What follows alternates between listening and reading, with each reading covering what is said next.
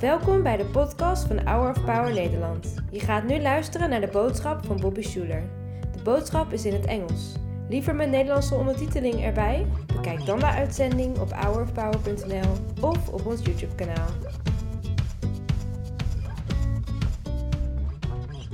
I want to begin with, by talking about Holland, one of my favorite countries.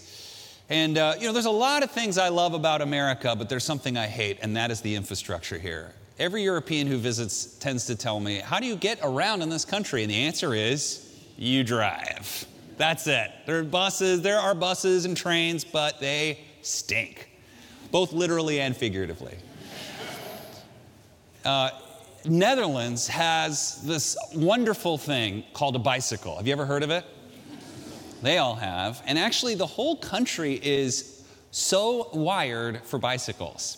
We go all the time, but this recent trip we did, we had a little bit of a slower time and we, had to rela- we were able to relax a little bit. And we rented a couple bicycles and we got to experience, Hannah and I, Netherlands the way you're properly supposed to experience it, and that is on a bicycle. I could not believe how they had bicycle highways, bicycle stoplights. And very often the bicycle lanes would have tunnels or it'd be separated from the main road with gardens. You could get anywhere on a bicycle. And they were good at riding bikes too. Think of how healthy these folks were. I remember riding into town on my bicycle and an 80 year old lady just went zipping on by. And I thought, wow, she's in good shape. Here's the royal family riding their bikes. I'm sure they do it all the time. It's a great country, Holland. And one of the things I realized is, even though I've been to the Netherlands many, many times and love the country and love the people, I had never quite experienced Holland the way I did this time on a bike. And I asked uh, my colleague Chris, I said, Is there anyone in the Netherlands who can't ride a bike? And he said, No, not anyone. Holland opens up in a whole new way when you learn to ride a bike. This is the thought that occurred to me Many of us have so much of life that would open up, but the thing that stands between us and that life is a set of skills. The thing that stands between us and where we want to be is a quiet, personal, but devout devotion, redundant, to, to learn a skill that opens up the whole world. Today, I want to answer this question very often, we find ourselves in an in between place. What do I do when I find myself in an in between place? What do you do while waiting? What do you do while you're waiting? Today's message is called The Win, the Win, the Victory. The win is in the waiting. We always think the win is when you cross the finish line. We think the win is when you hit the high C in that song. We think the win is when you receive the trophy or when you receive the promotion or when you get the great moment in life to perform in the place you've always wanted to perform in. But the truth is, the win happens before those things. The win is in becoming a person. And becoming that person happens when nobody's watching. It happens on your free time. When everyone else is scrolling on their phones and you're reading a book. When everyone else is doing, you know, watching TV or falling asleep on the couch and you're seeking out new information or expanding your network or even better, going into a time of prayer or studying scripture. God cares very much about who you become. That's what discipleship is about. Matthew chapter 15. Jesus travels. He's walking along, and a woman starts yelling out after him to heal her daughter. Heal my daughter. Yelling out after him, following, Lord, heal her, Lord, heal her, Lord, heal her. Until finally, Jesus' college age disciples say, Will you tell her to shut up? You have to read it in Greek to see that, that bit. And he says, Send her away. Let's read it together. Matthew chapter 15. Jesus did not answer a word. You ever feel that way when you're praying to God? It's easy to feel when Jesus doesn't answer a, word to think that the word he answers is no. But that's not the word you get in this story. Okay, so his disciples came in and urged him, Send her away. She keeps crying out for us. And he answered, I was sent only to the lost people of Israel. Who's that? The Jews. She's not Jewish. The woman came and knelt before him. Lord, help me, she said. Uh, and he replied, It is not right to take the children's bread and toss it to dogs. Dogs? Dogs? Toss it? You're a dog?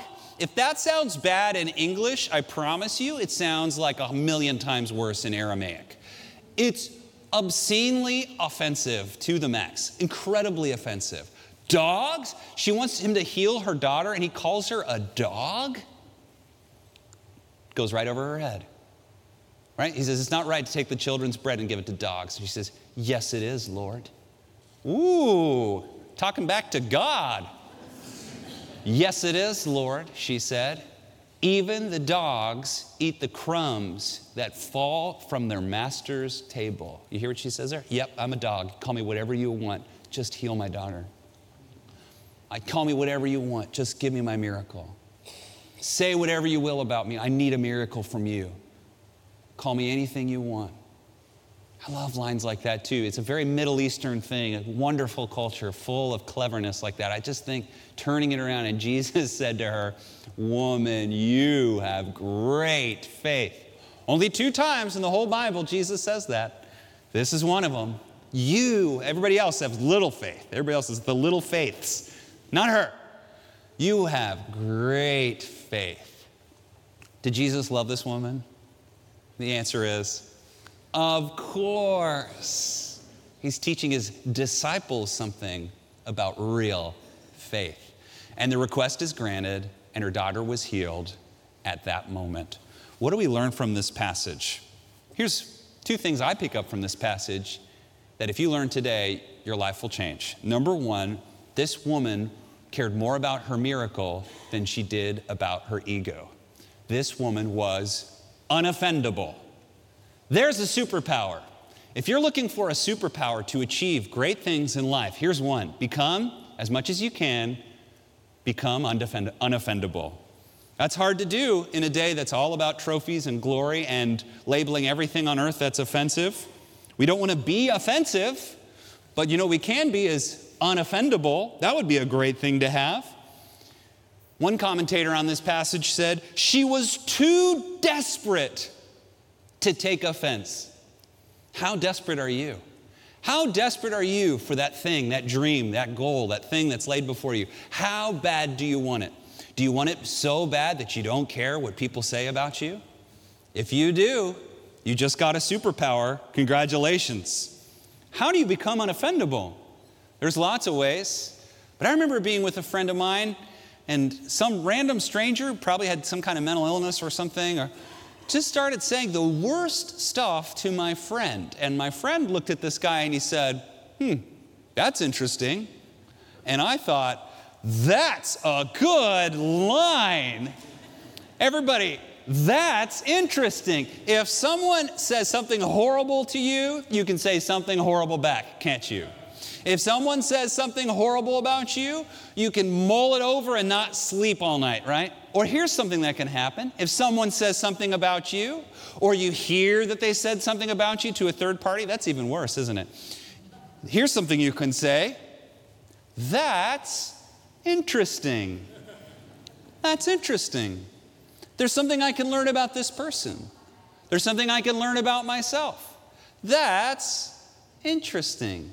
I promise you that if you work on being less offendable, you will have more power in your life. So that's one thing I learned is that she cared more about her miracle than she did her ego. Her desperation for a miracle was greater than the offense. Number two, mm, Dr. Schuller said it best God's delays aren't God's denials. Right?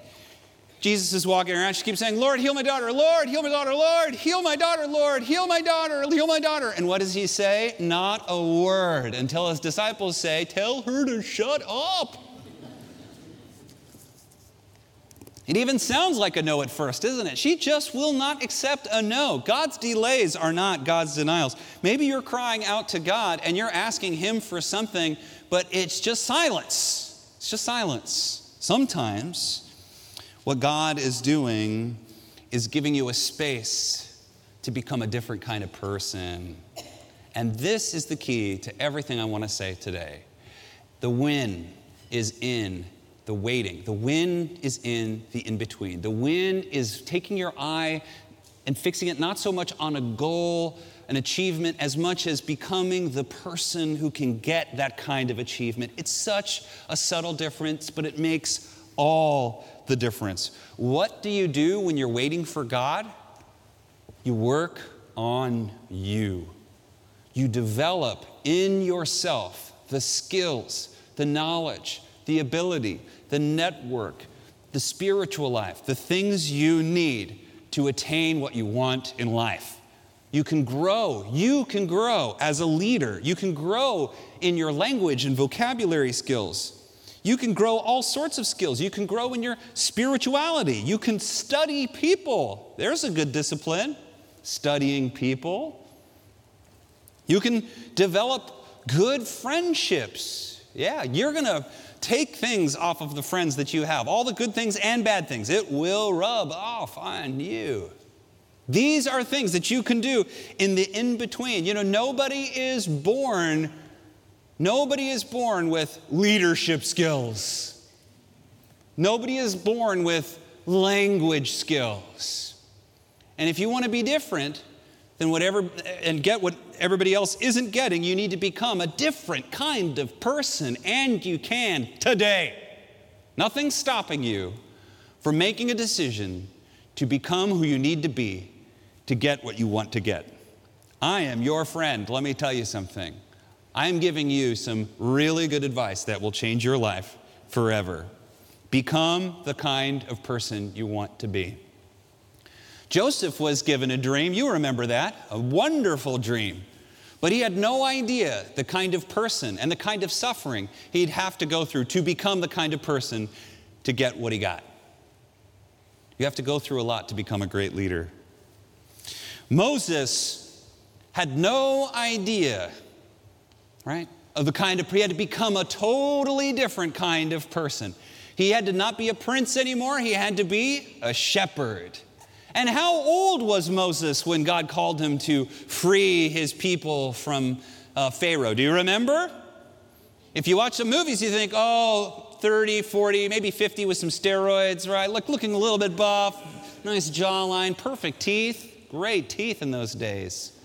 No, sir. No, sir. Moses was an 80 year old shepherd. Remember? He was a prince and he lost everything and he was a shepherd. God needed a shepherd, not a prince.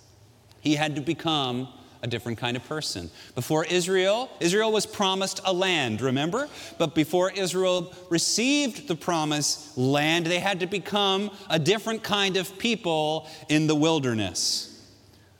Saul, no doubt, thought he was doing good work for God, but Saul had to become Paul before he could do what he was called to do. God is looking for you in the waiting to become the kind of person first. Work on you. There is an inherent need in every single person for progress. Here's something that you may not have recognized about yourself, but the second I say it, you'll know it's true. All of us want a sense of progress in our personal progress in our lives. And the way most people measure personal progress is with personal milestones. You get married, you have kids, you get tenure at your school, you get partner at your law firm, you get a promotion, you get the ideal job, you sell your business, whatever. You have these things in life. But the problem with these milestones is they're not always within your control. And they don't happen every day all the time. So if enough time goes by without a great musical performance or without a great whatever, enough time goes by, the sense of meaninglessness in life grows. Because the meaning of life, really, for many of us, is about progress. But here's something that you can control. See, all those things I talked about are outside progress. That's the stuff people can see. I'm convinced very few people would run a marathon if they couldn't talk about it. There's like 3% of marathon runners would keep doing it if they couldn't mention it to anyone, you know? What are they doing? They're looking for, and rightly so, achievement, something to brag about or to feel proud of. That's good. But, but many of the outside things that people see in life are out of your control. Here's something that's under your control personal development. Personal development. Here's a progress you can make on the inside. You can make progress on the inside. You can become a different kind of person. And inside can always happen. It can happen in a jail cell, it can happen in a hospital, it can happen if you're a homeless person on the street. Because before the big things happen out there, big things have to happen in here. I want to build a big church, but God is not looking for big churches. He's looking for big Christians. He's looking for people that are developing here. One big Christian can do a lot more than a thousand big churches. That's a promise. There is no limit to what you can accomplish or do for God if you allow God to do something in you. And if you think about that waiting period between point A and point B as where the real progress happens, when you become a new kind of person.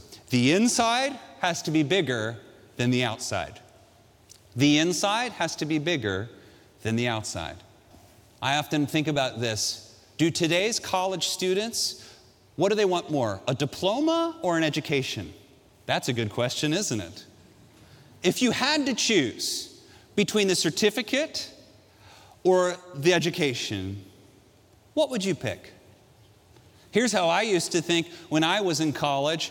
I was 100% about the diploma, right? Like, just uh, my favorite thing to say C's get degrees, right? You just, it's all about just getting that diploma and getting that job. I remember I went to business school, and my goal was to find the easiest professor I could find. Right? The ones who gave the least amount of homework, the ones where you could definitely get an A, no problem. I still remember my financial, it was a business degree. I got a financial professor. When we were getting ornery, he would just give us the answers on our tests. Can you believe that? He seemed burned out, by the way. Can I tell you, that was everyone's favorite professor. But what a disservice he did to us in our foolishness, in our immaturity, that we think a diploma matters. Diplomas don't matter.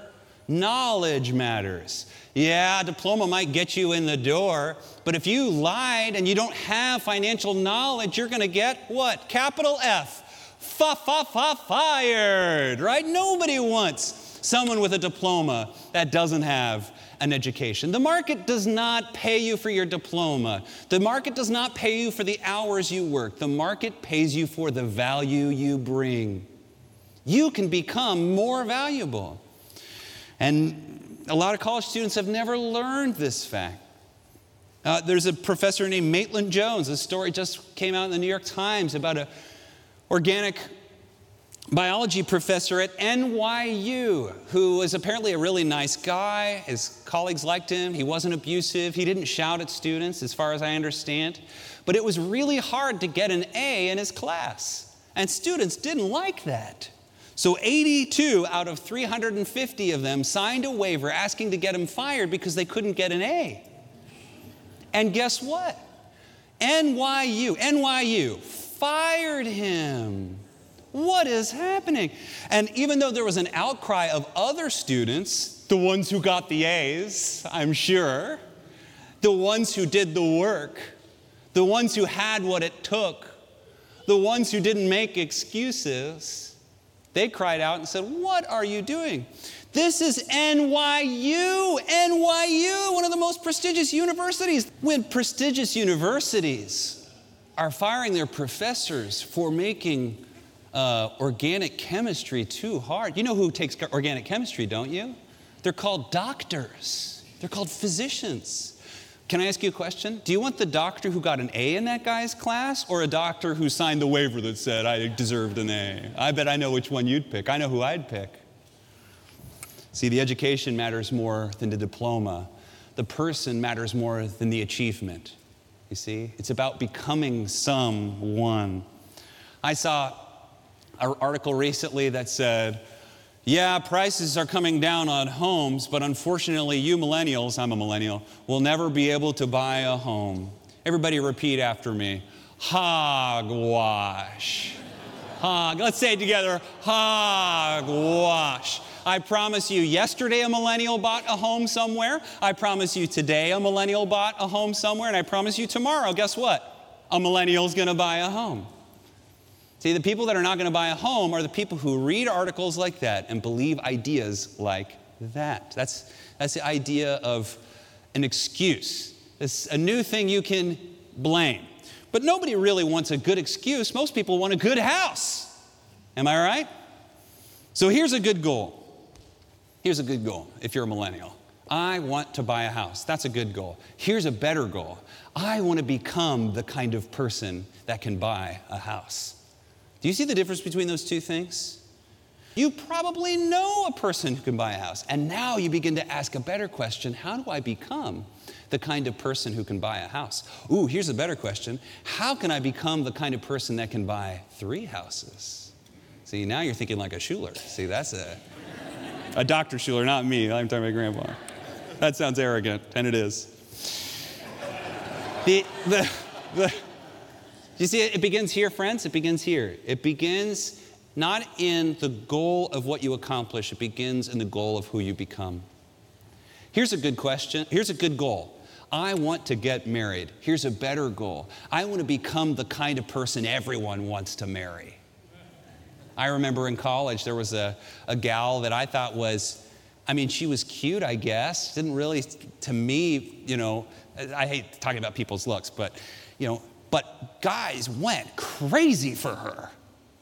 I had one guy that said, told me a part of his body he would cut off if he could marry her. It was his left hand.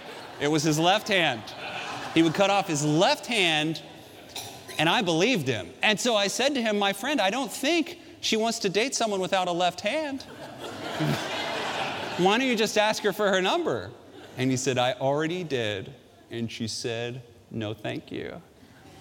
See, there's something about that girl that made her alluring to people that wanted to marry her. She had her pick of the litter because, so here's a good, here's a good goal become, if you want to get married, become someone that everyone would love being married to. Here's a goal, good goal. I want to have children. Here's a better goal. I want to be an amazing father. I want to become an amazing mother.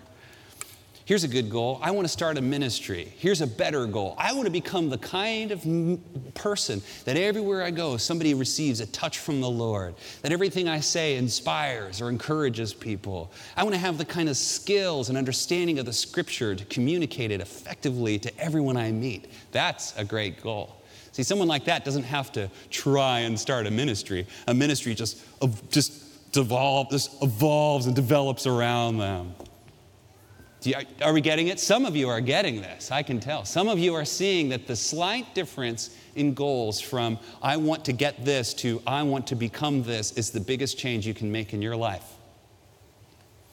And that always happens, almost always, in that waiting period, in the free time period, in the time when everyone else is just bored and trying to be entertained. When you do something there to become a different kind of person, everything changes. Well, we can't become who we want to be without the master of life, and his name is Jesus Christ. And we need him to teach us all that there is to know about living a fruitful and godly and awesome life. And so we ask you, Jesus, to help us Thank you that your living spirit dwells within us, that your living word is given to us and we can study it. Thank you that your followers are all around us and we can learn from them. Father, put the right kind of people in our life that we need to become the people you've called us to be. We entrust our lives to you. It's in the strong name of Jesus we pray. Amen. Bedankt voor het luisteren naar de podcast van deze week. We hopen dat deze boodschap jou heeft bemoedigd. Wil je meer weten over Hour of Power of dagelijkse bemoedigingen ontvangen? Ga dan naar www.hourofpower.nl.